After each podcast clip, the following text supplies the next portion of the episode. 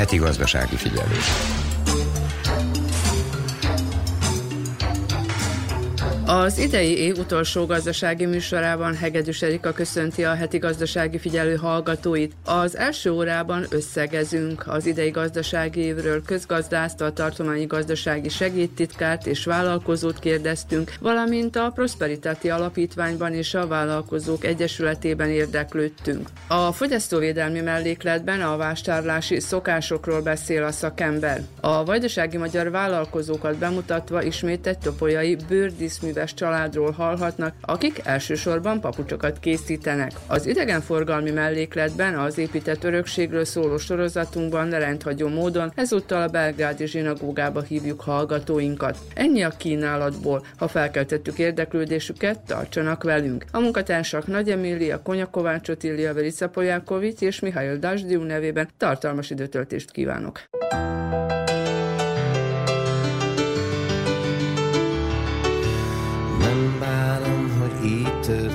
és nincs az zongorával semmi baj.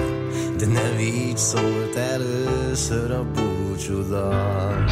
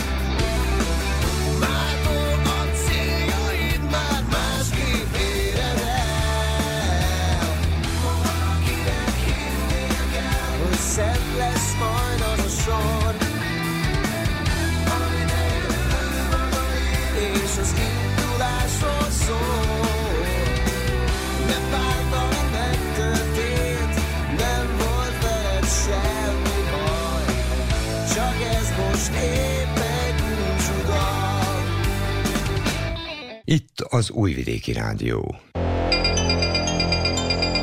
Gazdasági figyelő. A Prosperitáti Alapítványa az idén is folytatta a korábban megkezdett pályázatok elbírálását és a pénzek folyósítását, valamint több körben a létesítmények átadását, illetve a mentor programot, mondja Juhász Bálint ügyvezető. Az idei annak ellenére, hogy a leginkább látható a tömeges pályázataink elmaradtak, éppen az említett okokból. Annak ellenére a közepes és nagy léptékű fejlesztések vonatkozásában el lehet mondani, hogy gyakorlatilag több mint 10 milliárd forintnyi forrás lehívására és kihelyezésére van és lesz lehetőség. Ezen kívül nagyon aktív évünk van, hiszen gyakorlatilag a korábban, ugye most a mezőgazdaság és a szolgáltatóipar vonatkozásában a tavalyi év végén forrás függvényében támogatott pályázatoknak a megvalósítása, illetve forrás biztosítása van folyamatban. Sajnos ez még nem teljes egészében valósult meg, de erre törekszünk, hogy ez így legyen. Ennek ellenére ez előtt adott volt a turizmus és az ipari fejlesztéseknek a, a pályázata, amelyek leszerződés és kifizetésre is kerültek, hogy ezek nagy beruházások, amelyek most érnek be. Egyik ilyen pont a december 15-én átadásra kerül eh, címgáz projektje, de sok hasonló van 40 fölött volt ezeknek a projekteknek a száma. Csak 2022-ben? Gyakorlatilag a 2021-ben szerződtük uh-huh. le és fizettük, és hát most itt a 2022-es évben zárulnak le egyes pályázatok, illetve még várható jövő évben is, hogy teljes egészében befejeződnek, itt lekerekednek és elszámolnak vele. Ezek egyébként is ilyen hosszú távú feladatok. Így van, így van. hát egy ilyen nagy léptékű beruházásnak a megvalósítása az túlmutat egy naptár éven zömében kettő év a határidő egy-egy ilyen pályázatnak a, a lebonyolítására, úgyhogy időben vannak. Tehát az, amiben, amiben 2020-ban pályáztatás és döntés szempontjából foglalkoztunk, 21-ben lehívás és kifizetés szempontjából, azok most 22-23-ban valósulnak meg. Így adtuk át, és a másik nagy csokora turisztikai fejlesztések, ugye hotelek nyíltak meg az idejében Vajdaság szerte apartmanházak, és 15-én szintén egy apartmanház átadására kerül sor. Zentán a Papolé forjú szobákról beszélünk, amelyek nagy örömünkre a nemzetközi turisztikai vásáron díjakat nyertek. Ugye most kérdezhetjük, van-e összefüggés a között, hogy kaptak támogatást, és 50 után megjelentek, és rögtön nyertek? Én azt gondolom, Némileg lehet, mert fejlesztettek. Mert hogy egy komoly fejlesztésen estek, estek át, és ez nagy öröm számunkra, úgyhogy ezek a projektek érnek be.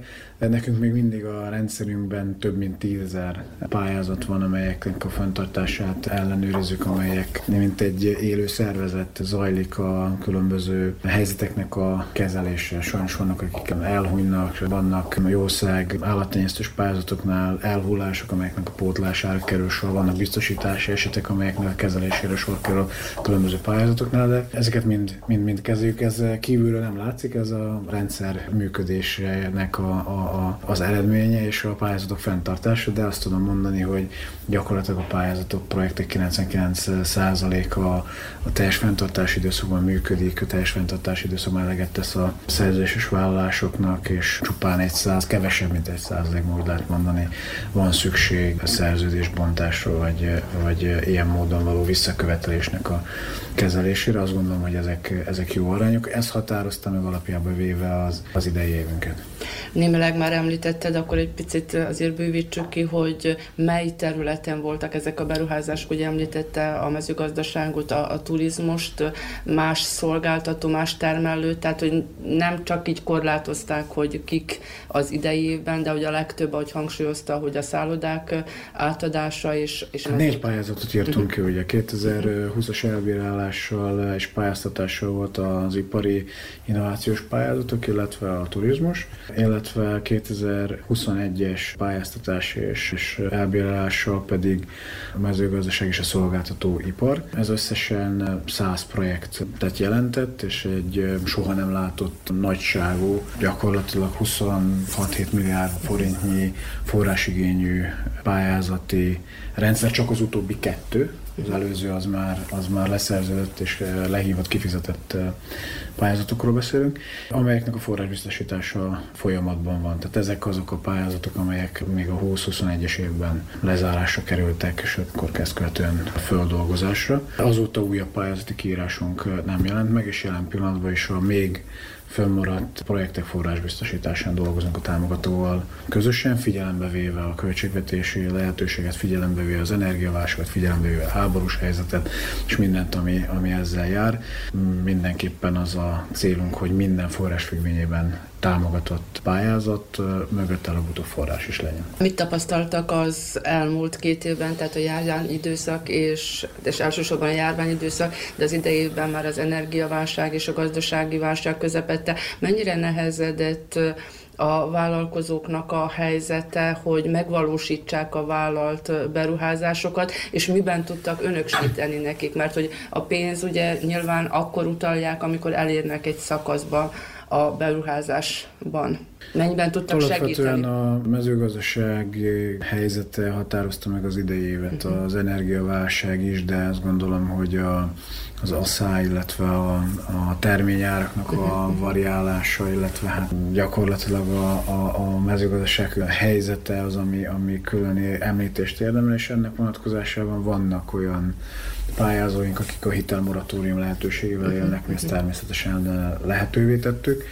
Olyan pályázó, aki elállt volna önszántából a még folyamatban lévő forrásbiztosítás alatt álló pályázatától, az nagyon kevés. Néhány, néhányan azt mondták, hogy a megváltozott helyzet, a, a megnövekedett építőanyagárak, a kiszámíthatóságnak a, a, a minimalizálás, minimalizálódása miatt visszalépnek, de ez, ez csupán néhány projekt, az a tapasztalatunk, hogy mindenki a legtöbbjük a projektjét komolyan gondolta. Mindenki saját forrása is volt saját, for, saját forrás és hitelfelhasználásával hozzáfogtak. Zömében a projekteknek a megvalósításához addig, amíg ez a forrás rendelkezésre áll, addig, addig azokat a fázisokat le is tudták zárni.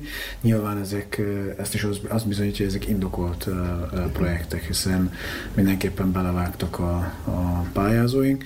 Mi pedig azon dolgozunk, hogy a, a forrás, amely a a, támogatás összegét fedi le, az is rendelkezésre áll.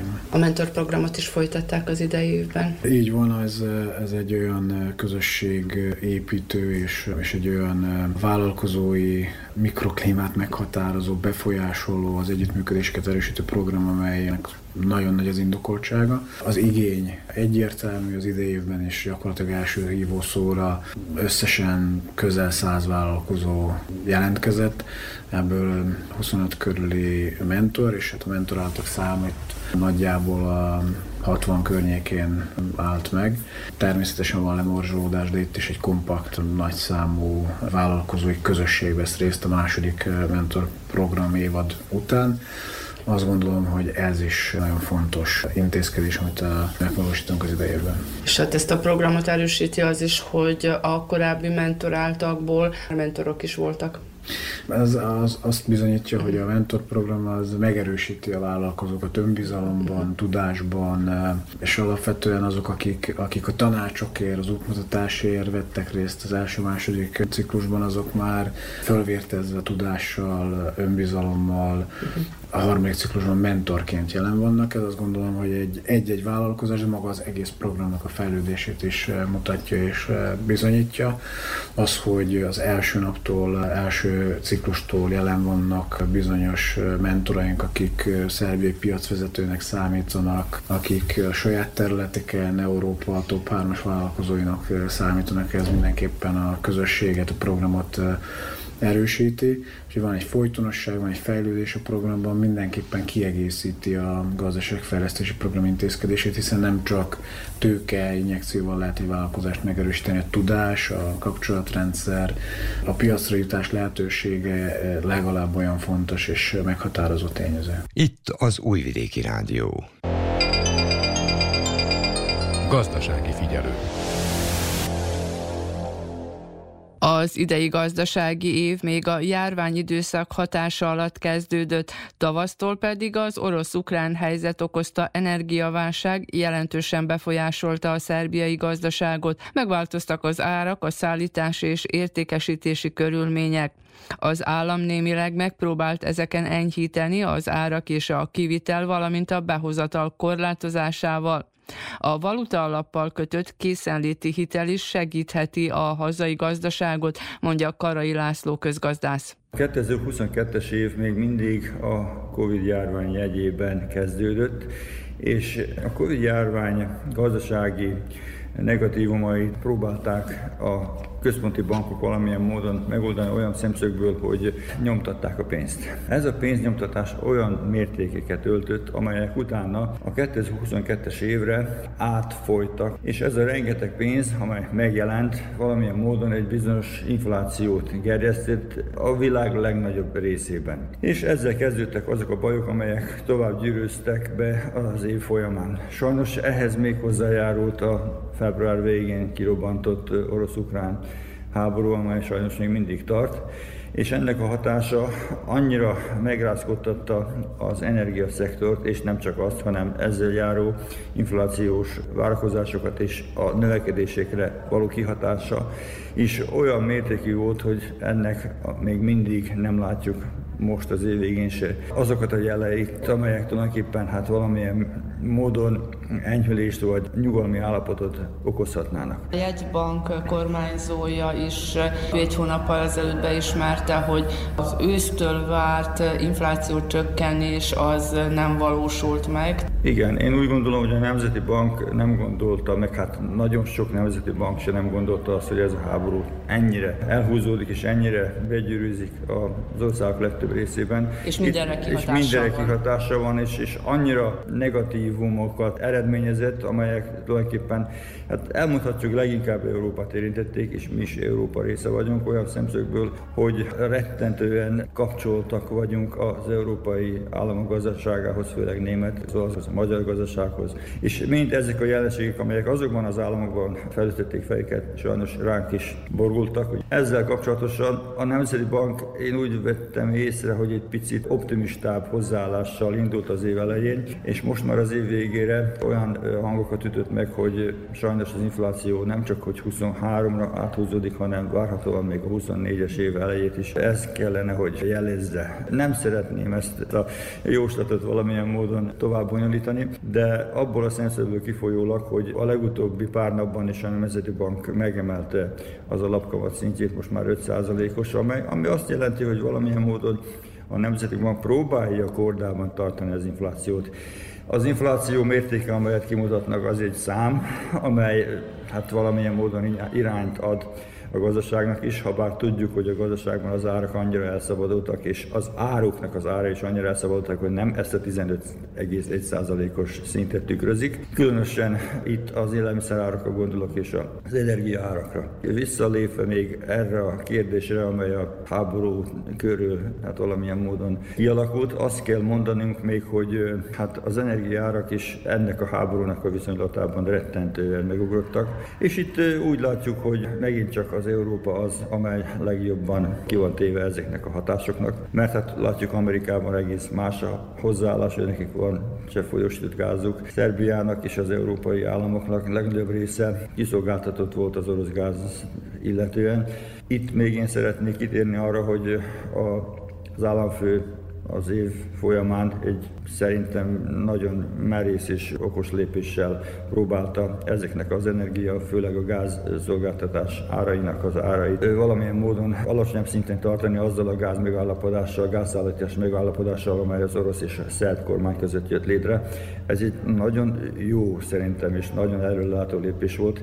Most meglátjuk, hogy ezek az árak meddig tudnak ilyen szinten maradni és azt is meglátjuk, hogy ez a továbbiakban hát mennyire fog kihatni a további infláció alakulására. Szerbia felújította a valuta alappal a szerződését, Ugyan készenléti hitelről van szó, sokak szerint ez jobb, mások szerint ez rosszabb változó a hitelszerződésnek. Miért volt akkor szükség erre a szerződésre, vagy miért lesz majd, mert nyilván, hogy ennek hatását vagy felhasználását majd a következő évtől. Annak ellenére, hogy októberben voltak, október-novemberben voltak a tárgyalások, de 2023-ban érezhető majd ennek a hatása. Igen, ez mind azt jelenti, hogy Szerbia kormánya valamilyen módon már előrevetíti azokat a lehetőséget és azoknak a gondoknak a megoldását ezen a nemzetközi valuta alapon keresztül megalapodott hitelkeret, hitelkerettel, mert látható az is, hogy a jövő évben igen nagy összegű hiteltörlesztéseket kell lebonyolítani az országnak és a kormánynak, és ezzel valamilyen módon próbálják enyhíteni azokat a költségeket, amelyek a kamatokból eredendőek, és ez a hitelkeret, hogyha megvalósításra kerül, akkor hát egy relatív elfogadható, a mostani kamat szintekhez képest elfogadható kamatszinttel tudná ezeket a hiteleket lehívni. Ez úgy olvastam, hogy a 3,5 százalékos kamattal lehetne lehívni ezeket az összegeket, és tudjuk azt is, hogy az első hét hónapban körülbelül 3,5-4 milliárd dollár hitelt kellene törleszteni,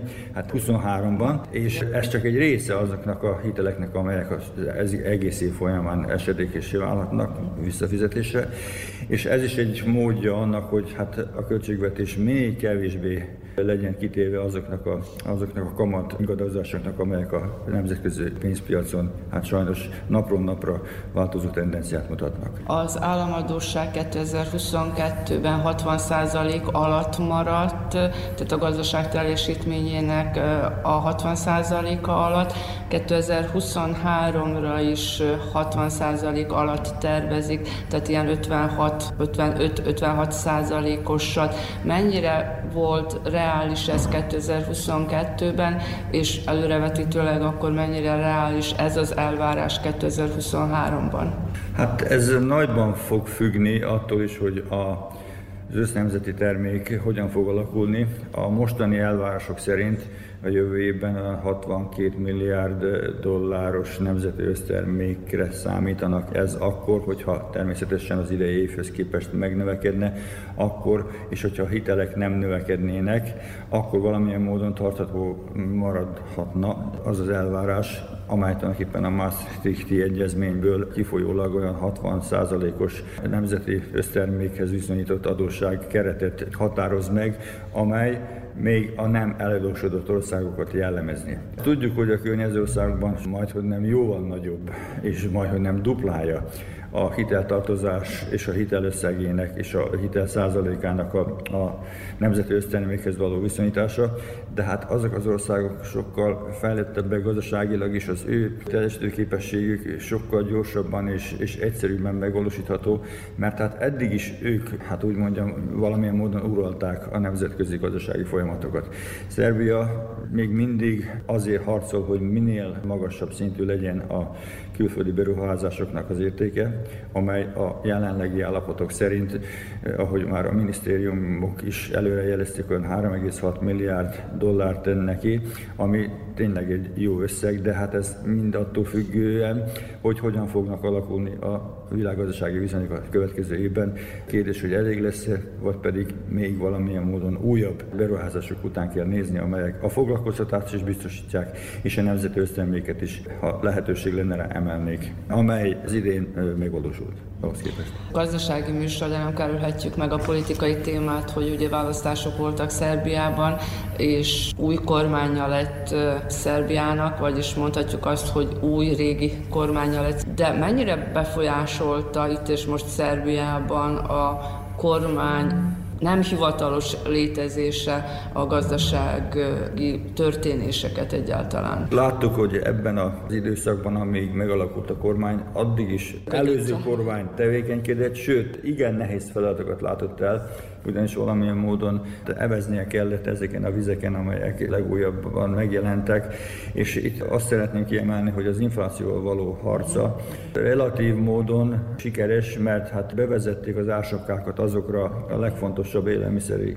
termékekre, és azokra az energiahordozókra, amelyek hát nagyban meghatározzák a lakosság életszínvonalát. Ezek az ársapkák bizonyára nem tarthatóak fenn örökké, és ez természetesen, ahogy látjuk, az a környező országban is valamilyen módon módosításra fognak kerülni, mind attól függően, hogy hogyan alakulnak ezeknek a hordozóknak és ezeknek a alkotó elemeknek az árai a világpiacon, mert ott tudjuk, hogy Szerbia nagyban függ a behozatali áruktól és a behozataltól. Ettől függően én gondolom, hogy a kormány, amely megalakult nem régen, folytatni fogja azt az irányvonalat, amelyet eddig is folytatott. A kijelentések alapján az európai út lenne az, amely továbbra is az első leges cél, és szeretnék ezt megvalósítani olyan szemszögből is, hogy hát ahogy látom, most újabban tárgyalásokat is folytatnának a csatlakozási szerződést illetően.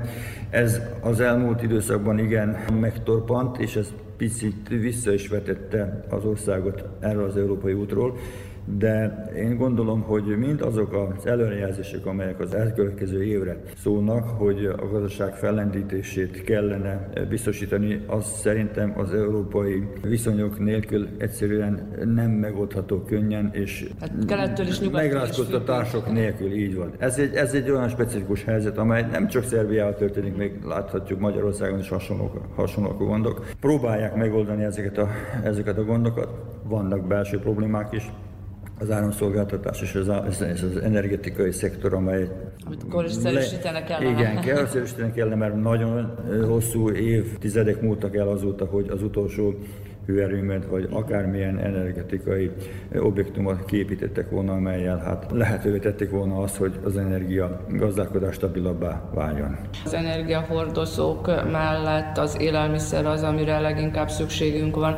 A mezőgazdaságot ugyan lehet némileg befolyásolni a termelést, de azért egy ilyen asszályos év után nagyon nehéz, főleg egy ilyen fejlettségi szinten a gazdaság helyzetét, a mezőgazdaság állapota, pontosabban az asszály mennyire határozta meg az idejében. Nagyon nagyban. Nagyon és nagyon nem csak nálunk. Meg. Nem csak nálunk, és látjuk itt Közép-Európában ez olyan, olyan méreteket öltött, hogy egyszerűen voltak vidékek, ahol semmilyen termés nem valósult meg. Szerbiák bizonyos részein is voltak ilyen esetek, sőt, Vajdaságban is nagy részben ha csak a kukoricát nézzük, hogy a napraforgót nagyon nagy gondok akadtak. A buzával szerencsénk volt, mert akkor még nem volt annyira kifejezett az asszály, amikor az aratás volt esedékes. Úgy gondolom, hogy a kormánynak szerintem még több figyelmet kellene fordítani a mezőgazdaság fejlesztésére. A támogatásokat nagyon mértékben lenne jó, hogyha tudnák biztosítani. Ez mindenféleképpen előnyére válhatna úgy az ország gazdaságának, mint a lakosságnak is, és a termelőknek is, mert hogyha nincs mezőgazdasági termelés, akkor, akkor megint csak még nagyobb gondba és ár emelkedési spirálba léphetnénk. Én úgy gondolom, hogy ez a kormány olyan szakembereket is tudott összefogni, akik hát valamilyen módon tudnának itt előrelépést biztosítani. A költségvetés, amely legutóbbi pár hétben lett elfogadva, szintén szerintem ezt tanúsítja, de majd még látjuk, hogy a kivitelezés hogyan fog alakulni a jövő évben. Szerbiában a turizmus az nem éppen húzó ágazata a gazdaságnak, talán picit a téli idegenforgalmi kínálat valamelyest, Ugye most a járványidőszakban, amikor picit a belföldi turizmusra összpontosítottak, ugye vannak a belföldi üdülési csekkek, utalványok, de ezen kívül azért ugye most már az idei évben 2022-ben tudtunk utazni többet külföldre, a turizmus azért az mennyire heverte ki a járványidőszakot, mennyire látszott ez meg 2022-ben? A turizmus adatai mondhatnám azt, hogy ahogy megvalósultak, és ahogy ha összehasonlítjuk a Covid évet, a 2021-et, akkor mindenféleképpen jobban alakultak. De ezek a mutatók szerintem nem az igazi állapotot tükrözik, hanem esetleg a 2019-es évek kellene összehasonlítani, a 2018-as évek kellene összehasonlítani az idei év mutatóit. Én úgy gondolom, hogy amennyire a stabilizált gazdasági helyzet lehetővé tenni, a turizmus biztosan komolyabb szerepet tudna játszani a gazdasági mutatóknál, én úgy gondolom, hogy a külföldi turizmus, tehát a külföldiek Szerbiában való utazása még mindig eléggé alacsony szinten van, inkább itt a belföldi turizmusra gondolok, amely úgy látom, hogy ha csak a Palicsot és a vajdasági kirándulóhelyeket uh-huh. tekintjük, még elég jól teljesítettek, és hogyha ez a trend tehát, hogyha a hazai és hogyha még hogyha hozzájárulnának ehhez a külföldi turisták, és ezeket a tájékokat nagyobb számban látogatnák bizonyára, hogy jobb esélye lenne a turizmusnak arra, hogy még kedvezőbb mutatókat és számokat tudjon felmutatni a 2023-as évben. Itt az Újvidéki Rádió. Gazdasági figyelő. A gazdasági titkárság idén is folytatta a korábbi években népszerű pályázatait, tudtuk meg Peltilonna segédtitkártól. A gazdasági titkárság 2022-es évében elég dinamikus évről beszélünk, hiszen a választások mellett ugye a pályázatokat is kellett kezelni. Több programra írtunk ki pályázatokat. Szektoronként, hogyha végig mennénk rajta, talán akkor úgy teljesen átláthatóvá válna. Talán kezdeném a legérzékenyebb témánál ez a turizmus, hiszen ők voltak a legnagyobb problémában 2020-21-es évben és őket is támogattuk azt gondolom a legnagyobb intenzitással ebben az évben. Így ilyen 189 millió dinár értékben lett támogatás szétosztva különböző dolgokat. Kétféle pályázati lehetőség volt, az egyik az infrastruktúrális beruházás, tehát felújításokat lehetett tenni a különböző éttermeken, szálláshelyeken, illetve berendezések, eszközvásárlásokra volt alkalom, ami a másik szektort illeti, ez a gazdasági szektor, itt kiemelném az alapanyagvásárlást, ez egy nagyon fontos pályázat, hiszen itt mindazok, akik termeléssel foglalkoznak, utólag vissza tudták igényelni azt a befektetett pénzt, amit alapanyagra költöttek a 2021-es évben. Tehát a 2022-es évben nekik ez egy olyan összeg volt, amit újra tudtak fejlesztésre fordítani, illetve alapanyag megvásárlásra fordítani. Azt gondolom, hogy ez egy komoly segítség, és úgy gondolom, hogy ezt a programot folytatni is fogjuk majd az elkövetkező időszakokban. Ezek kis és közepes vállalkozások nagyságrendileg? Igen, nagyságrendileg ez 500 ezertől lehetett 2 millió dinárig pályázatot nyerni, tehát pénzösszeget nyerni. Ami a másik vonal, az mindig a egyik kedvencem a női vállalkozások. Szintén fontosnak tartom, hiszen a női vállalkozásokat igenis támogatni kell, hiszen egy nőnek azon túl, hogy otthon van és családot tart fent, vagy most főz, fontos az is, hogy ha a vállalkozása van, az legyen támogatva, nem csak családon belül, hanem államilag is. Ezek egy olyan jelentős dolgokat tudott venni egy-egy női vállalkozó, mint számítógép, vagy pedig bármilyen eszköz, amit, ami nő dolgozik. Az idejében kiírt pályázatok azok már lefutottak, teljesültek, vagy még folyamatában vannak? 99%-ban lefutott pályázatokról beszélünk. Egyedül van még pont a foglalkoztatásnál egy pályázat, ami most fut, együtt értük ki a pályázatot a turisztikai szektorral, ami azt jelenti, hogy az idegenforgalmi irodák tudtak pályázni, akik kimondottan önkormányzati alapításúak, és ők tudtak igényelni egy pályázaton belül eszközöket, tehát komputereket, nyomtatót, amire ebben laptop, amire szükségük van, illetve ezen a pályázaton belül még tudtak pályázni gyakornoki állásra is, úgyhogy ezek voltak azok a fő vonások, azt gondolom, ami mostan már bonyolódik, illetve ezzel kell majd nekik elszámolni évvégig. A gazdasági és idegenforgalmi titkárság azonban nem csak a vállalkozókra figyel oda, beruházásokra, és nem csak a vállalkozói beruházásokra. Mik azok a legfontosabbak? Ugye itt említette, hogy az idegenforgalom területén a szervezetek és idegenforgalmi szervezetek is, tehát önkormányzati idegenforgalmi szervezetek pályázhattak.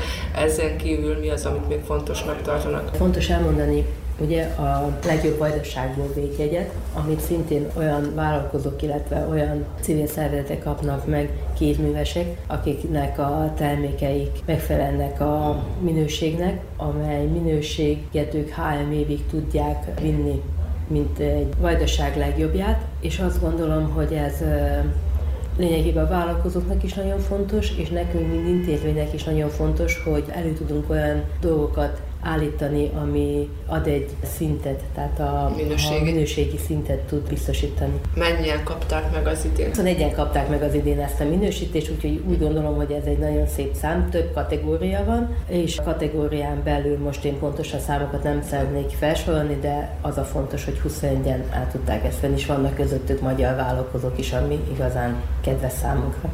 Pályázni kell erre az elismerésre? Igen, ki kell tölteni egy adott adatlapot, és az alapján ezt egy független intézmény, Jugo Inspect nevű intézmény az, amelyik elbírálja, tehát teljesen független intézmény, és így kapja meg ezt a minősítést a gazdaság és idegenforgalmi titkárság a nagy beruházásokban mennyire tud részt venni, a vajdasági vonatkozású nagy beruházásokban? Nekünk most van kettő IPA pályázatunk, így tudunk ebbe valami módon részt venni, tehát nincs akkor költségvetése a gazdasági titkárságnak, mint például megvan a mezőgazdasági, vagy pedig a regionális titkárságnak. Nekünk most van két futó IPA pályázatunk, az egyik az kerékpárút kiépítése, a másik pedig most van folyamatban, ez az Input Trans, vagyis egy ilyen logisztikai központ fog épülni itt Újvidéken is, Szabadkán és Kiskunhalason, tehát ez rácsatlakozik arra a Belgrád-Budapest közötti vasútonalra, ami most fog épülni, és úgy gondolom, hogy ez nem csak logisztikailag nagyon fontos, hanem a helyteremtés szempontjából, gazdasági szempontból, turizmus szempontjából, turizmus szempontjából természetesen, mivel hogy sokkal könnyebben fognak itt megfordulni turisták, akár Budapestről, akár egészen eszembe ugye kötve Beográdiak át fognak jönni Újvidékre, vagy pedig innen mennek se perc alatt el Budapestre. Azt gondolom, hogy ez a dolog nagyon fontos, és a további fejlődése a Újvidéknek, illetve az egész régiónak egy nagy csomópontja fog lenni, azt gondolom Újvidék. Tehát logisztikai csomópontja fog lenni ennek a térségnek. A gazdasági titkárságnak foglalkoztatási pályázatai is többnyire minden évben vannak. Mennyire érdeklődtek most ebben az évben a vállalkozók, ugyanis a a járvány utáni, most pedig az energiaválság okozta gondokban talán azt gondolnánk, hogy inkább picit visszafogják, csökkentik a beruházásaikat, a foglalkozt, és ebből adódóan a foglalkoztatást is. Mennyire volt érdeklődés ezekre a pályázatokra? Tehát mennyire cél a tovább foglalkoztatás? Mert hogy alapvetően ez a cél Igen, a termelés bővítése mellett. Mindenképpen nagyon fontos a foglalkoztatás, hiszen ez az érdekünk, hogy a foglalkoztatás elérje mindig a maximumot, tehát hogy minél több embernek legyen munkája, és minél kevesebb legyen olyan, aki nem tudja magát föltalálni itt, és nagy Isten fogja az útlevelet, és elmegy valahova külföldre szerencsét próbálni. Én úgy gondolom, hogy a foglalkoztatási pályázatoknak pont ezért van nagy eredményük, hiszen olyan lehet mondani, függetlenül attól, hogy milyen nehéz évet tudunk magunk mögött, nekünk túljelentkezés van mindig. Tehát azt lehet elmondani, hogy a megkérdetett összegre tízszeres a túljelentkezés, az egy hatalmas szám és úgy gondolom, hogy van rá igény, na most a világ pénze kellene ide, de sajnos azt nem tudjuk biztosítani, viszont a vállalkozók azt el szokták mondani, hogy nekik nagyon jó jön az, hogy amikor van nekik egy bejáródott munkás, aki mondjuk csak egy bizonyos időre, meghatározott időre vettek föl, mivel az idei pályázatban lehetőséget adtunk azoknak, hogy a meghatározott időről át tudják állandó munkaidőre tenni őket, ami azt jelenti, hogy így a foglalkoztatást egy biztonsági helyzetbe helyeztük azokat az illetőket, akik már valahol dolgoztak. Ez az egyik ugye verziója, a másik pedig az, hogy olyan embereket kellett foglalkoztatni, akik a munkaközvetítő adatbázisában voltak, tehát hogy be voltak jelentkezve a munkaközvetítőnél, és onnan tudták őket igényelni, mint munkásokat.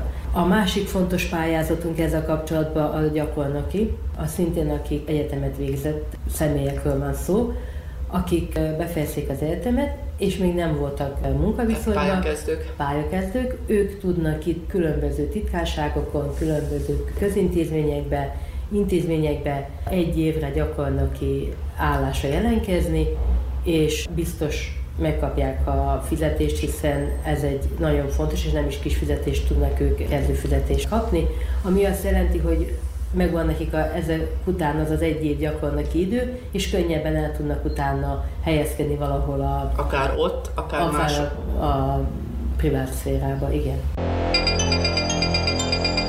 Gazdasági figyelő. A vállalkozók is többször szembesültek évközben a gazdálkodási nehézségekkel, amelyeket az ágazatukban kialakult helyzet alapján próbáltak megoldani, mondja Vas Tibor, egy muzsai mosoda tulajdonosa, akit Kónya Kovács Otília kérdezett. Az elmúlt 5-6 évben sose dolgoztunk ennyit, hogy elérjük ezt az eredményt. Ennek az az oka, piac ingadozás, az áremelkedéseket, amit mi nem tudunk kísérni, szinte lehetetlen. Ennek egyik oka az, hogy mindent előre fizetünk, míg a szolgáltatásainknak a megfizetetése azért csak is késik. Valamint nem tudjunk akkora áremelkedést a piacon követni, amilyen a beszállítóktól az áremelkedés, tehát nyersanyag, energia, mi egymás kötelesség a társadalom iránt ezt a lépéskülönbséget nehéz behozni, a lépéskülönbséget csak is többlet munkával tudjuk fedezni. Tehát az év rendkívül nehéz volt, pozitív évet tudunk zárni, de a pozitívért mindig többet és jobban kell dolgozni, hogy az ember megkapaszkodjon a piacon, meg tudjon nyilvánulni, és hogy tudjon egzisztenciát is ebből biztosítani. Mi az, ami esetleg nehézséget okozott így az év folyamán? Áremelkedések ugye a piacon folyamatosak. Nincs napon jó forma, hogy ne értesül értesüljünk valamilyen áremelkedésről az elmúlt. És gondolom, hogy ilyenkor ugye a statisztika az arra szolgál, hogy az embert egy kicsikét megtévessze, mikor azt mondják, hogy 14%-os inflációval, 16%-os áremelkedés valamilyen rezsiköltséggel. Viszont mink azt tapasztaljuk minnyáján a mindennap életben, hogy ezek az áremelkedések nem 10-20, hanem néha sokkal több százalék. Ha ez így van, akkor mink ezt nem tudjuk követni. Természetesen mi is korrigáljuk, nem lényegesen, de azért valamennyire az árainkat. A gond ott jelenik meg, amikor én az év végén az idén őszintén meg kell adjam a következő évre az árajánlatokat azoknak a cégeknek, akiknek egész éven át szerződés alatt dolgozunk. Nagyon nehéz most ebben a pillanatban megadni egy vágóhídnak, akinek dolgozunk, az árakat, hogy a következő május vagy augusztusban milyen árakkal tudunk föllépni. Viszont ha szerződést írok alá, akkor nehéz azokat megbolygatni, nehéz a megértés, hogy holnap, holnap után azon még változtassunk. Ha ez így van, akkor mi marad más hátra, mint hogy többlet munkával ledolgozzuk azokat a különbségeket, amelyeket talán vesztenénk útközben. Ilyen az egészségügy, ilyenek azok a szerződések, amikor versenypályázaton veszünk részt, az elmúlt néhány évben pedig részt vettünk, és főleg sikeresek is voltunk, tehát azért úgy mondjam, hogy a piacon meg tudunk nyilvánulni az árainkkal. Mekkora a konkurencia egyébként így nagybecskereket nézve? Nem annyira túl zsúfolt ez a hivatás. Ez a szolgáltatásban van mindenkinek kellő munkája, egyrészt azért, mert mindek nagyobban nagyobbak az igények. Tehát a szokások is úgy alakulnak vendéglátó turizmusban, hogy egy vendéglátóiparos nem fog foglalkozni a mosással, vasalással, hanem átadja azt másnak. Míg az egészségügy is igyekszik ettől a szolgáltatástól megszabadulni, és kiadni ezt a munkát. Ha így nézünk a dolgokra, akkor abban az esetben mind több és több. Nem szabad elfelejtsük, hogy a lakosság, tehát a magánszemélyek is mind többet és többet igénylik mindezeket, változtatnak az életmódukon, valamint a szokásokon. Nem bírunk a magánemberre építeni, hogy csak nekik mosni, de az nem azt jelenti, hogy őket meg kell vetni, illetve ne vegyük figyelembe ezt a fogyasztót. A magánember mind többet és többet elhozza a saját különböző pokrószokat, takarókat, paplanokat, amelyeket éveken át nem tudtak mosni, nem tudják hol, nem volt rá alkalom. Konkurencia pedig, mondhatom, városunk és környékén három-négy ilyen szolgáltatás van, cég, vállalkozói szinten, amely tud versenyezni, illetve föllépni a piacon. Ekkora közösségnek több mint százezer lakos ugye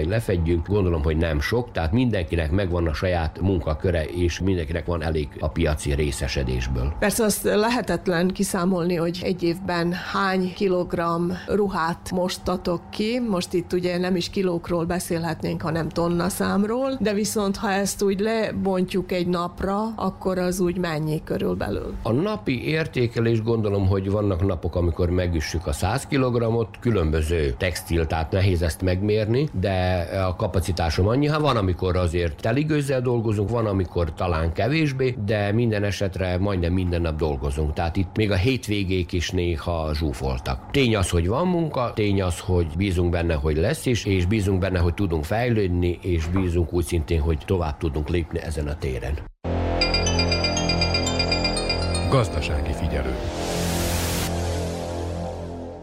A vállalkozói egyesületek a pályázati kiírásokban való eligazodás mellett az új szabályozások alkalmazásában is segítenek, mondja Bálint Izabella, a Nagybecskereki Munkaadók Egyesületének igazgatója. Krízisből krízisbe mentünk, az év elején még a járvány krízissel foglalkoztunk, azután pedig az orosz-ukrán konfliktus idézett fejfájást a vállalkozóknak. Mint ahogyan gondolták is a vállalkozók, az orosz-ukrán helyzet nem került el Szerbiát sem. Elsőként konkrétan azokat a cégeket sújtotta a helyzet, amelyek Ukrajnával és Oroszországgal kereskedtek. Ezt követte az áruszállítás drágulása. Voltak sajnos olyan cégeink, amelyek napokig a határokon voltak, le voltak zárva Ukrajnába. Persze ez a krízis kihatott a nyersanyagok beszerzésére is, és ezekkel nagy problémák adottak. Akkor ezután az energiaárak a tavaly kezdődött megugrása idén nyáron új lendületet vett. A szerb kormánynak megoldást kellett találnia, és a villamos energia árának óriási emelkedését kellett, hogy fékezze. A vállalkozók egyesülete azon dolgozott, hogy a kormány ne csak az áram, hanem a dízel árának emelkedését is korlátozza, hiszen a fuvarozók nagy veszélyben voltak, és amikor a fuvarozók nagy veszélyben vannak, akkor ezt érzik a vállalkozók és a cégek is, mivel hogy kihat az ő munkájukra is. A fő probléma az, hogyha újabb árhullám drágulás lesz, és hogyha ez hosszan kitart, akkor nagyon le fogja ezt terhelni a cégeket, és egyszerűen nem tudják átélni. Nagy cégeknek és nagy vállalkozóknak is gondjaik vannak, nem is tudjuk, hogy hogyan is közelítsünk a kisvállalkozókhoz, akik óriási nagy bizonytalanságban vannak, és nem tudnak tervezni. Minden új nyersanyag vásárlása egyre drágább és drágább. Egyeseknek szerződéseik vannak, fix áraik vannak, és egyszerűen nem tudják követni, és nem tudnak dolgozni. Sajnos vannak olyan esetek, amikor a cégek egyszerűen egyszerűen elállnak és fizetnek büntetéseket azért, mert nem tudják a szerződést biztosítani, azaz nem tudják realizálni. Egy óriási probléma az is, hogy a hitelek megdrágultak, és egyszerűen most már nem is lehet olyan hitelhez jutni, amely fix kamatot tartalmaz, és nem is ajánlatos most hiteleket felvenni. Nagyon sokan elálltak az új gépek vásárlásától, és egyszerűen próbálják átélni az idei évet és a következő időszakot. Különösen fontos megemlíteni, hogy tovább erősödik az inflációs nyomás, és főként a lakosságra drágulások kihatnak a gazdaságra és a lakosokra is, és persze, hogy érezhető az, hogy a vásárlóerő csökken. A termelők is megérzik, és a magas nyersanyagok árai és az energia gondok és az energiák árai véget, meg a magas infláció véget. Nagyon sokan csak stagnálnak és próbálják átélni az időszakot. Az idén még két óriási változással is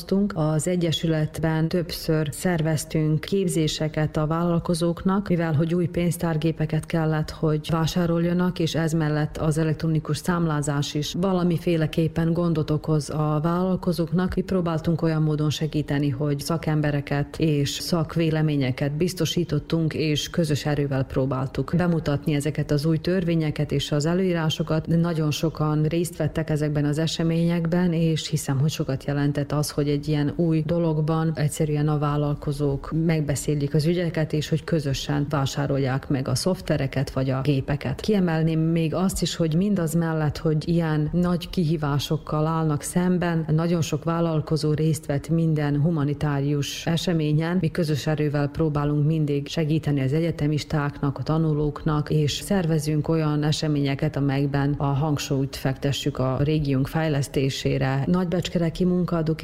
Egyesülete az idén új elnököt is választott, Emil Sárvári lett az új elnökünk, és egy új igazgatói bizottság lett kiszavazva. Mi ennek őszintén nagyon örülünk, mivel egy új energiát kaptunk, és érezhető az, hogy minnyáján arra fókuszálnak, hogy egy jobb közösséget alkossunk. A Nagybecskereki Munkaadók Egyesülete intenzíven részt vett a Nagybecskereki város által létrehozott programokban, amelyeknek a célja a fiatal startupok, azaz a vállalkozók és a női vállalkozók erősítése, és örülünk annak, hogy a várossal igen jó közreműködésünk van, és hogy közös erővel próbálunk segíteni a vállalkozóknak. Összesen a két programon keresztül 8 millió dinárt osztottunk szét több mint 45 vállalkozónak.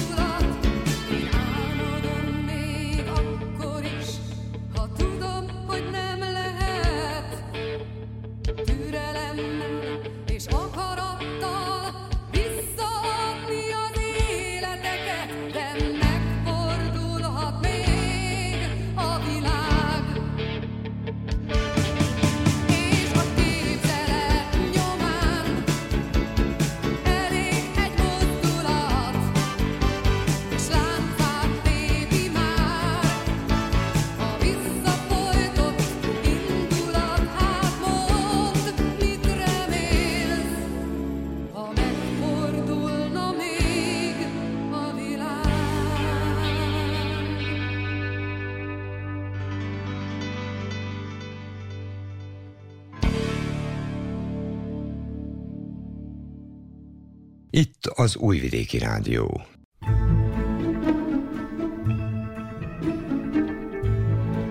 Tudatos vásárló Fogyasztóvédelmi percek az Újvidéki Rádióban, a Zentai Fogyasztóvédelmi Központ támogatásával.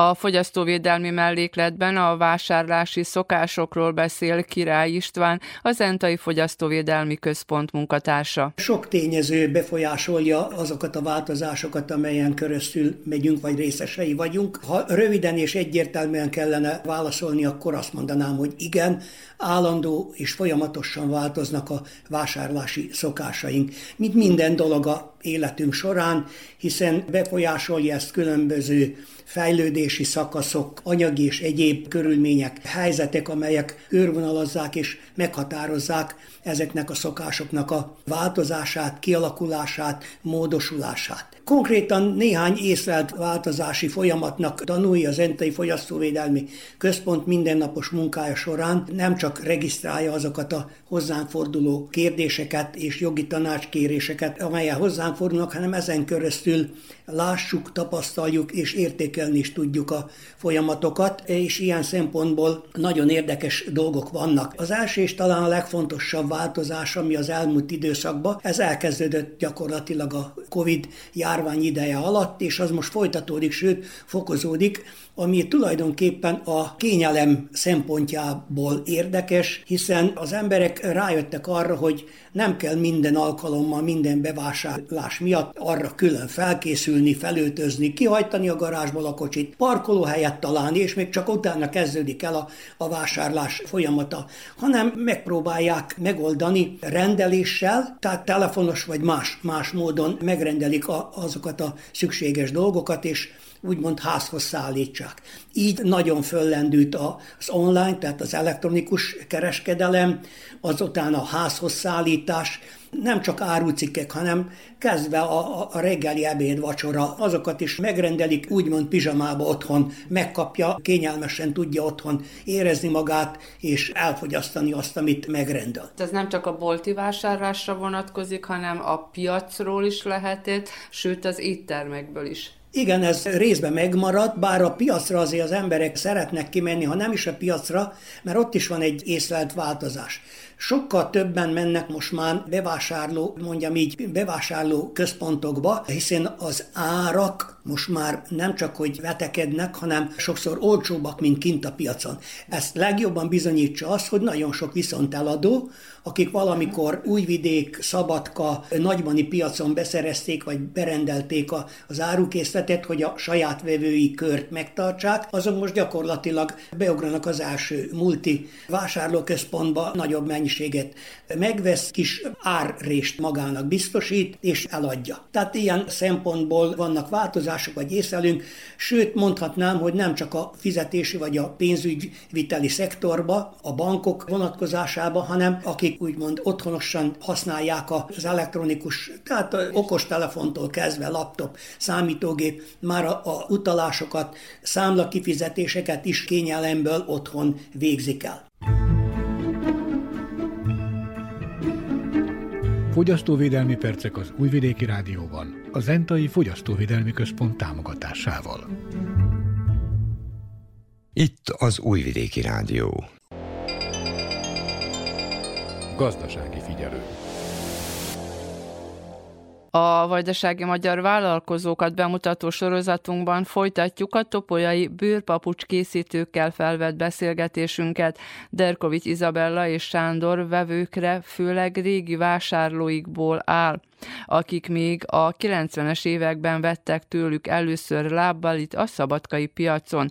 A beszélgetés második felét hallják most Nagy Emília hangfelvétele. Izabellától kérdezem, mennyire nehéz a nőknél megtalálni azt a réteget, aki papucsot vesz, illetve követni a divatot. Bírják-e egyáltalán, mert ugye beszéltük ezt is a kötetlen beszélgetésben, hogy fehér papucsot nem nagyon. Azt is miért, azt is mondjuk el. Igen, mi valójában, mivel tiszta bőrből dolgozunk, kézi vonású, természetes bőr, a fehérbőr igazából nem nagyon, most nem mondom, hogy nincs, mert volt olyan, hogy megrendelésre csináltunk fehérbőr papucsot is, de ami el van terjedve így országok szintjén is, vagy kórházakban, ezek nem a teljes, rendes, természetes bőr, mert a fölsejére rá van öntve a fehér plastika réteg, és mivel azok olcsó papucsok, ilyen nagy kórházak, tehát ők ezt kapják szerintem, gondolom, hogy ezt úgy veszik meg, és nem fektetnek annyit bele az ilyen dolgokba, hogy most valódi bőrből igazi természetes lábbelit. Tehát a fehér papucsokról ennyi. Azért mondom, hogy ha rendelnek, mi csinálunk piros bőrpapucsot, zöld, kék, tehát van sokfajta színű bőrünk, de azt megrendelésre. Valójában az igazi bőrnek a barna, árnyaltalink, világosabb, vöröses barna, konyak színű, az a sárgás, tehát főleg azokat. Megvan még egy, a fehéret, meg a feketét, azt az ilyen nem tiszta bőrből, ebből a mű dolgokból csinálják általában a nagy papucskészítők. Sorozatgyártásban. Sorozatgyártásban általában fehéret, feketét. Én megcsinálom fehérbű bőrből, és azt mondom a annak a vevőnek, hogy ez egy X összeg, bekerül bőrből, akkor ő azt mondja, hogy mi vegyem meg nálad ezt a fehéret X összegé, amikor fele áron megbírom venni a szomszédnál. Mert ő csak azt nézi, ugyanaz ő szerinte, csak azt nem lássa, hogy az egy plastika, fehér, ez meg egy bőr fehér papucs. Az rá van ragasztva, itt meg 1,2 mm-es gyantázott cérnával kézzel rávarva az egész. Ottan el fog menni a talp, meg az a felső rész is elmegy egy hónap alatt, vagy kettő, az enyém meg lehet, hogy hét év alatt. És utána még azt mondom, hogy leveszük a talpat, teszünk rá másik bélést, másik talpat, pörbélést, és megint ráhúzunk még hét évet, és megint jóba lesz a lábod, nem fog se beizzadni, se nem lesz neki kellemetlen szaga, nem lesz gombásodás a lábodon, semmi. De hát ezt nem nézik át az emberek, hanem azt nézik, hogy ebben pillanatban nekem a pénztárcámban van 10 dinár, ez meg 20-ba kerül. Hát nem bírom megvenni. Tíz év veszek egyet, és magamnak azt mondom, hogy jaj, de jó jártam, mert ugyanazt megvettem. Nem vette ugyanazt meg. Jócsó húsnak hig a leve.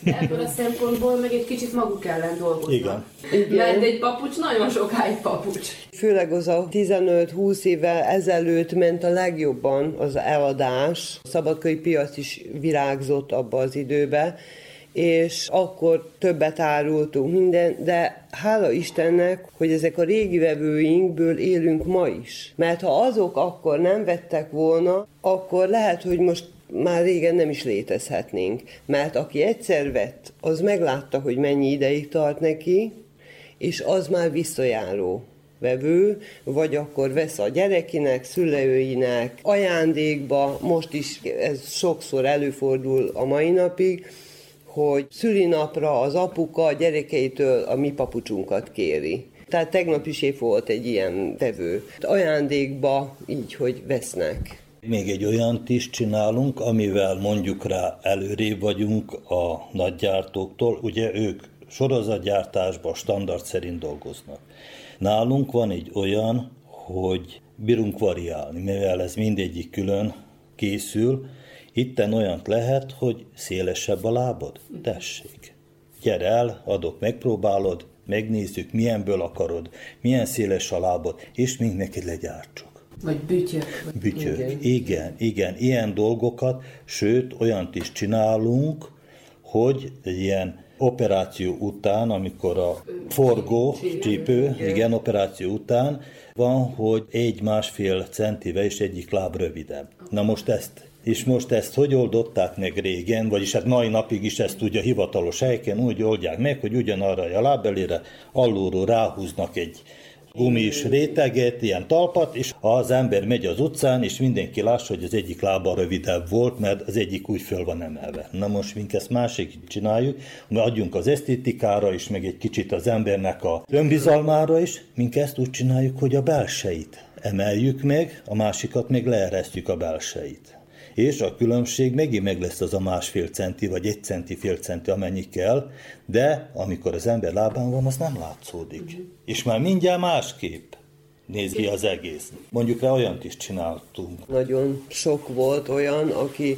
hogy be van fáslizva a lábuk, így idősebb személyek, főleg, hogy műtét, vagy cukorbetegség, vagy akármi, és akkor, hogy tényleg nem, hogy egy kicsivel kell szélesebb, hanem mondjam úgy, hogy dupla olyan széles papucs felső kell, mint a másik lábára, és olyanokat nagyon sokan jönnek most régebben volt még a nagyméretek is, de most a sajnos nem tudjuk beszerezni a talpakat, olyan, hogy 51-2-esig is. Most ilyen 47-esig bírjuk. Igen, de az is egy nagyon jó, mert keresték, meg utána is évekig még sokáig keresték nálunk, de azt sajnos nem tudjuk beszerezni a talpat. A nyersanyagot akkor honnan szerzik be? Hát valamikor, ugye még a bőrgyárainkat nem tették tönkre az olaszok, de valamikor, hát ugye mivel úgy mondván majdnem, hogy az első naptól hivatalosan dolgoztunk valami formába, ugye mint Kocsnárádinoszt, vagy utána mint vállalkozó, kisiparos, mink a bőrgyárakból elmentünk, ugyanúgy Kullán is, ugyanúgy Rumára is elmentünk, Zrenyaninba is elmentünk vásárolni.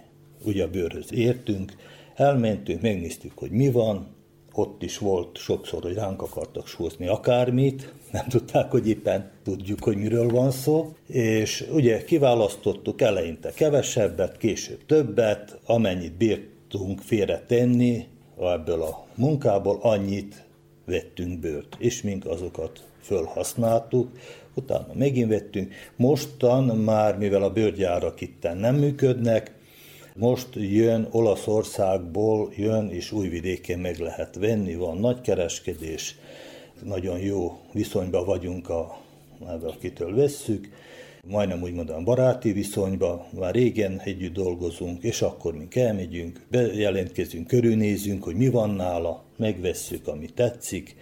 És ami jó, hogy lehet, hogy egy színből például egy bőrt tehát azt is lehet, hogy egy színből egy bőrt veszünk, másik, és akkor, hogy legyen választék, mert az is fontos, hogy különböző színűek vannak. És akkor ezt a befejezést meg sokszor megvesszük, mert úgy olcsóbb, hogy a nincs befejezve végleg a bőr. Szóval meg van cserezve, az alapfestés meg van adva, majd így egyszerűen mondom, de a különböző befejezések, igen, az nincs. Ez, amit mondtam az előbb, hogy a laboratóriumban is dolgoztam, a külföldiekkel, ahol megtanultam a különböző módszereket, hogy lehet befejezni egy bőrt. Na, most azt a kamatoztatom. És itthon befejezem, megcsináljuk, megbeszéljük, hogy milyen legyen, megcsinálunk egy darab kis bőrön, megmutatom, hogy tetszik-e neki ez, mondja, hogy hát ez nem, ez most ne, akkor nem, akkor vagy egy másik azt mondja, na ez jó, na akkor a héten ebből csináljuk, ezekből a színekből, általában nézzük össze, mennek főleg az ilyen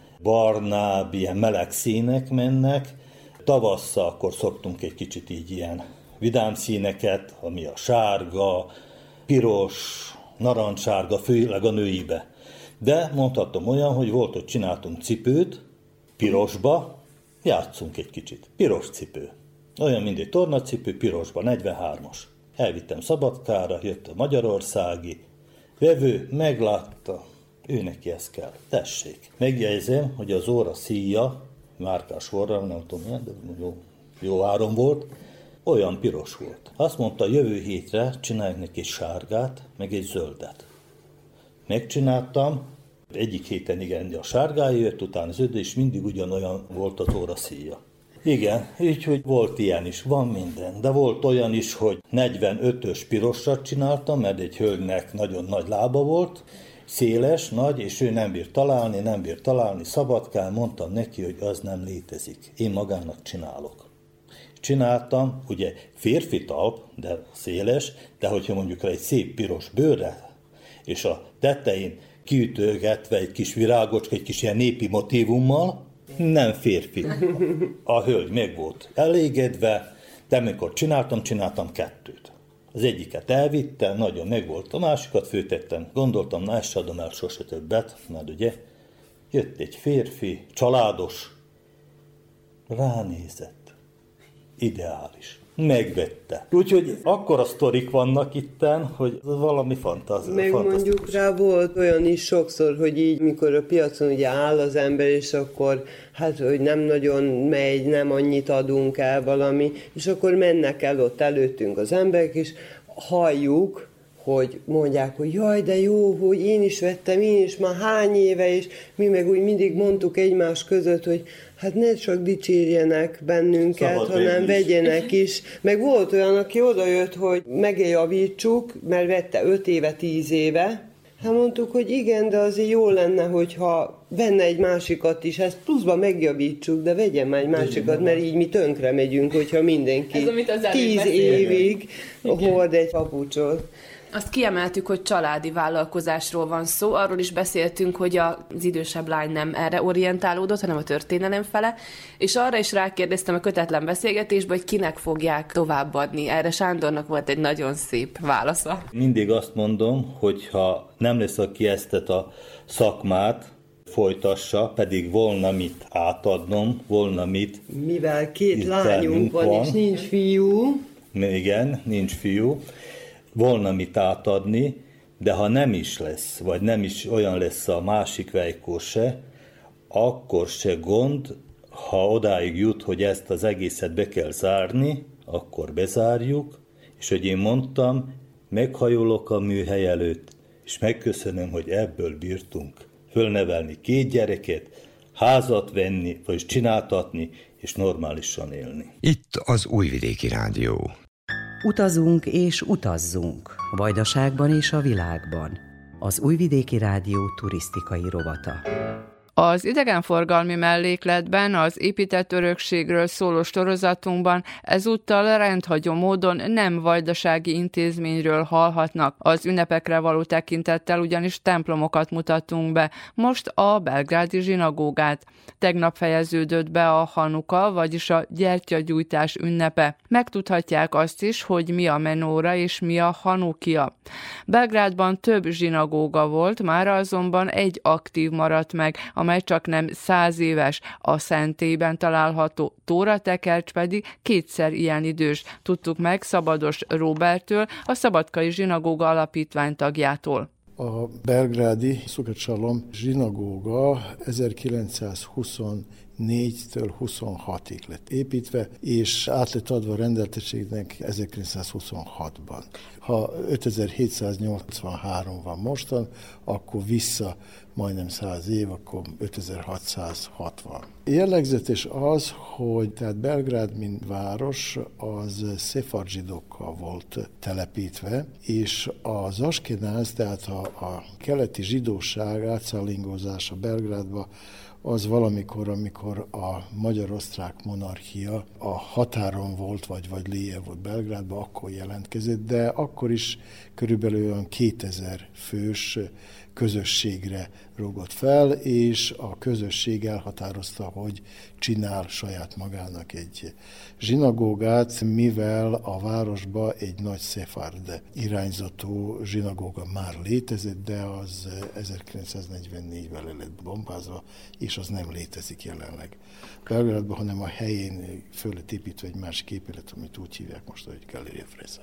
Tehát az egyetlen egy zsinagóga, ami, amiről én tudok, ami Vajdaság és, és Szerbiában van itt, nem lett állami támogatás alapján építve, hanem csak is adakozásból és kizárólagosan a tagok közt. Tehát ez a zsinagóga a 2000-es fős askenáz irányzatú közösségből ered, ugyanúgy, ahogyan a Szefárt, Szefárd zsinagóga a szefárdok. Milyen stílusban épült? Ez klasszicista stílusba épült, tehát 1920-as évekről beszélünk. Az akkori építkezési divat alapján jellegzetesen, tehát a homlokzata nagyon szigorúan a klasszikus építkezéshez lehet kötni, míg mivel én láttam a képeket erről a, a Szefard zsinagógára, mert lehet Rambó az lényegében a keleti építkezési stílusba volt fölépítve, az úgynevezett pérzsa, pérzsa stílusba, amit össze lehet hasonlítani a magyarországi nagy templommal, ami Budapesten van. Tehát kb-kb olyan stílus. Ez a zsinagóga háromszintes, avval, hogy itt a földszintén van a rész, amely a toraszekrény tartalmaz a bimát, még a, hívüknek a zülőrészt, amely eredetileg csak is a férfiakra vonatkozott, míg a másik következő szint, ami nincsen elválasztva, az asszonyoknak is a, és a gyermekeknek volt rendeltetése bocsátva, míg a zsinagoga alatt van egy kiépített egy nagy tér, amely úgy hívják itten Belgrádban, hogy social hall, tehát hogy közösségi térnek számít is, ha vannak valamilyen napok, amelyben összejövetelek vannak, akkor ott tartsák, ami nincsen közvetlen kapcsolatban a, a vallási vallási kérdéssel, vagy avval, amit a, a, a rabbi csinál. A vallási jellege mellett oktatási szerepe is van a zsinagógának. Milyen oktatással foglalkoznak, milyen tanítással foglalkoznak itt? Lényegében a tanítás csak is a zsinagógával kapcsolatos és a judaizmussal kapcsolatosak. Tehát ez, ez úgy van, hogy a rabbi tartsa a tanítást különböző kategóriájú hívőknek, illetve tagoknak, a kisgyermekek, az asszonyoknak, a férfiaknak, és az bent a zsinagóga területén van, és két vagy, vagy három részbe lehet, lehet felosztani a tanulási részt amely egy nagyobb szintű szentélynek számít, az épület, ha benne tanítás is van. Van jelentősége a zsinagógának, tehát mint szentélynek, az arra nem fér kétség, de ha benne van még a tanítási rész is, az nagyobb szintű szentélynek számít. Fölső szinten van egy téli terem. Mi ennek a szerepe vagy a jelentősége? Téli terem az valamikor, amikor nem volt fűtés a zsinagógában, most hál' Istennek van, az a, a téli hittanórák, még a téli fohászkodás, tehát a, tehát a, télen-télen, amikor a nagy zsinagógában, ebben nagy térben nem lehetett lenni, a hideg véget, akkor abba a kis zsinagógába, kis térbe, kis térbe térjünk le ide a földszintre. Ugye itt ülünk az első sorban a férfiak részére föntartott térben. Az első sor előtt gyakorlatilag mit látunk? A zsidóságnak nincsen papság. Lehet, lesznek, tehát a koinok azok, azok papok voltak, a levik a segéd, segédek voltak. Megmaradtak eddig csak a vezetéknevek, de ha föl lesz építve a harmadik szentély, akkor a koinok visszatérnek mind a papságnak a, a része. Nekünk nincsenek papok. A rabbi az nem jelent, hogy pap, hanem tanítót jelent. Ő tanítsa és viszi tovább a judaizmusnak a, az alap tanításait, kisgyermekektől a legöregebb tagják. És tehát akkor nincs mindenütt rabbi egy-egy zsinagógában? Nincs, nincs, nincs, tehát Szerbiában jelenleg egy rabbi van, főrabbi az Iszák Asziel, a többi zsidó hitközségekben, mint például Szabadkán, otthon előimádkozók vannak. Azok is tudják a, a torát, de nekik nincsen olyan képességük, formális képességük, mint a rabbinak, hanem ők vezetik, vezetik az imát és az imádkozást.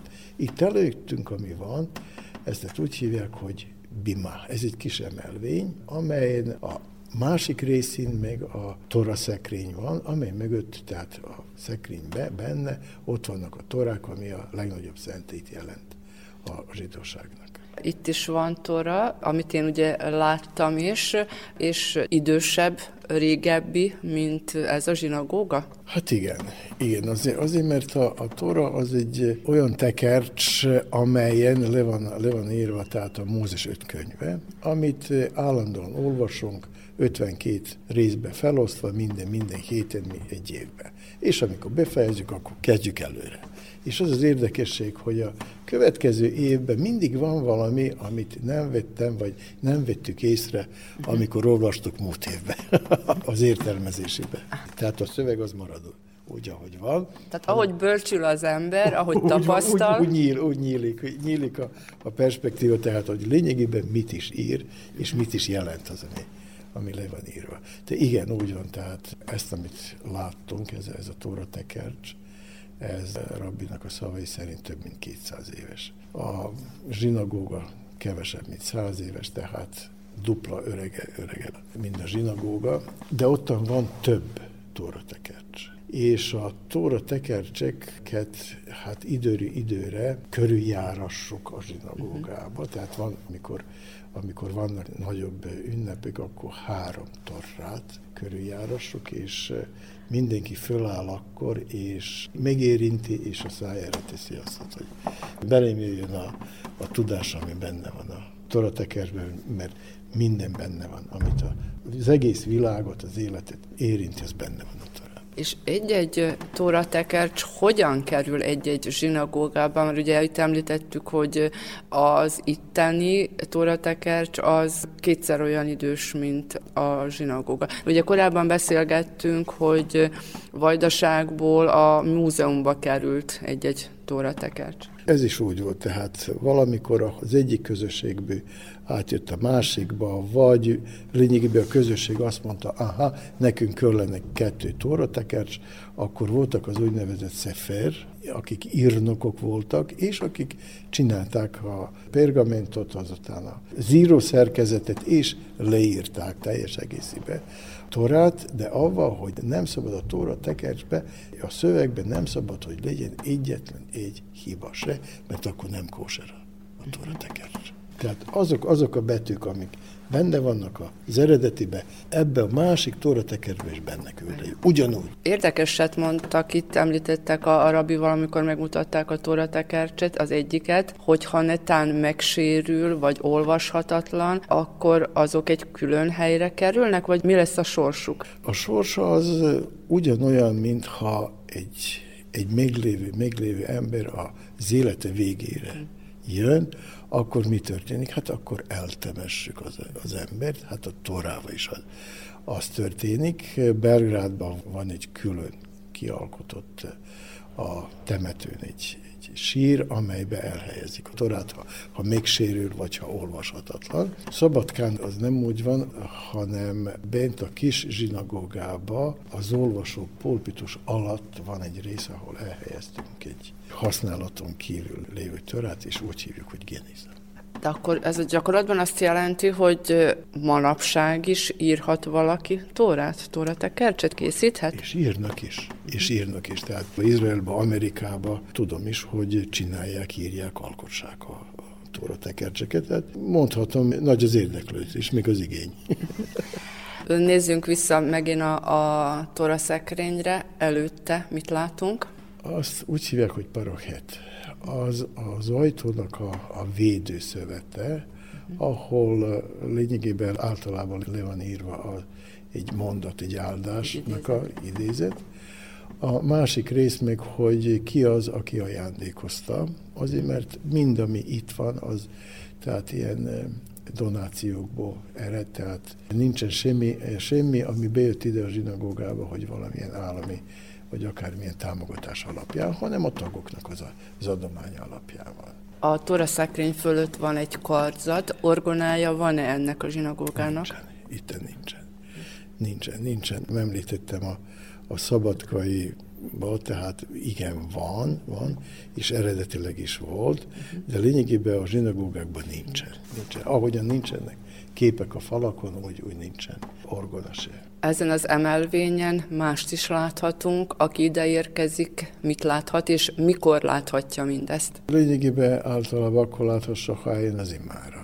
Az ima az eredetileg, eredetileg naponta háromszor, reggel, mindjárt dél után és este vannak az ima, az ima idők. Amit látunk, az lényegében menórát. Menórát látunk jobbról és balról. Az emelvényen ami a, hát az alkotásnak a hét napját szimbolizálja, és a, a vertikális rész, a tartó-tartó része meg az egy, az egy Istennek a jelképe.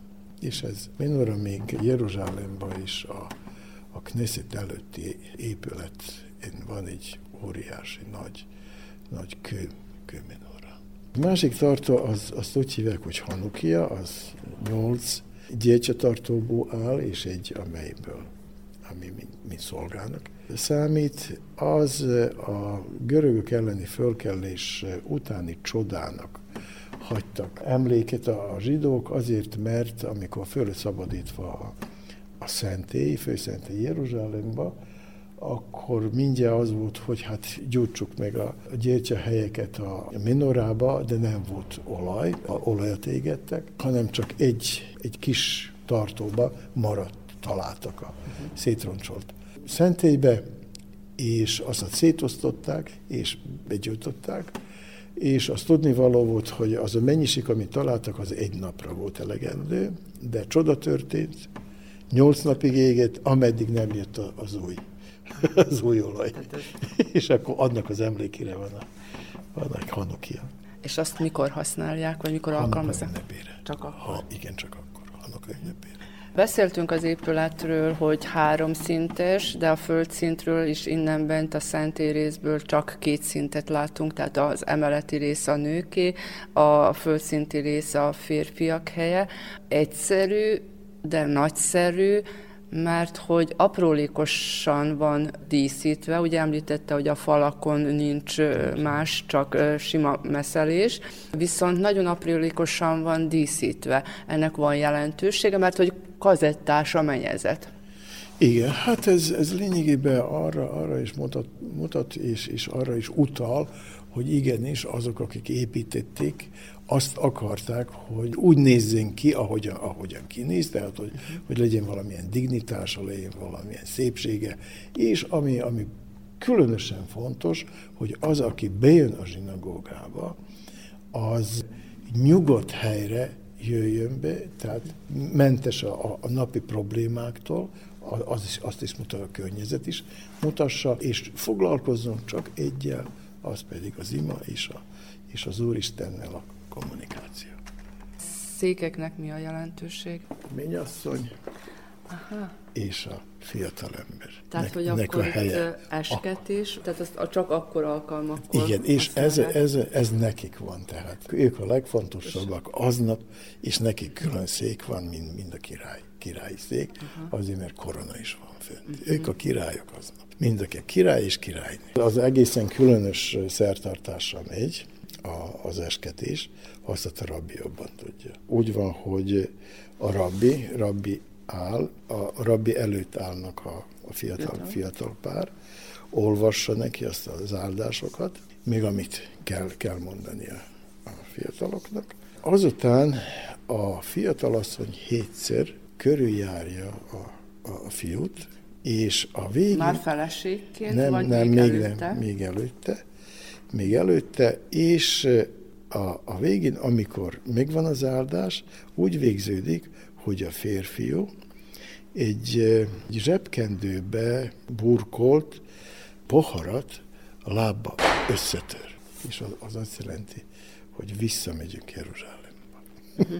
És egyébként ugye a számoknak jelentősége van, a Mind. hetes, a nyolcas számnak is, ugye és most itt az adventi időszakban, az ünnepek táján, ugye a születés, amit mi ugye 25-én ünneplünk, mi ennek a jelentősége? Hát a, a hét, a hetes, hetes szám, ami jelentkezik a torába, az a keletkezés, tehát a az első, az elsőtől az utolsó napig, amikor meglett ez a világ, amilyen, amilyen a világ. A nyolcadik nap még azért fontos, mert a Tóra, tehát a judaizmus alapján, a születés nyolcadik napján meg kell metszeni a, a, az ifjút, tehát a, a fiatalembert, mert az azt jelenti, hogy megkötötte a szövetséget az Úristennel abban a pillanatban.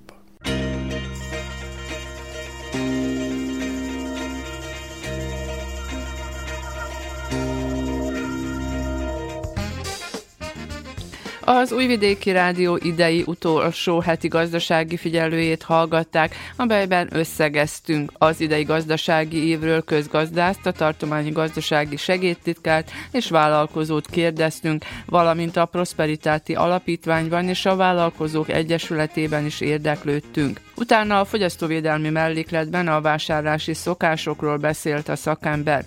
A vajdasági magyar vállalkozókat bemutatva ismét egy topolyai bőrdíszműves családról hallhattak, akik elsősorban papucsokat készítenek. Az idegenforgalmi mellékletben az épített örökségről szóló sorozatunkban rendhagyó módon ezúttal a belgrádi zsinagógába hívtuk hallgatóinkat.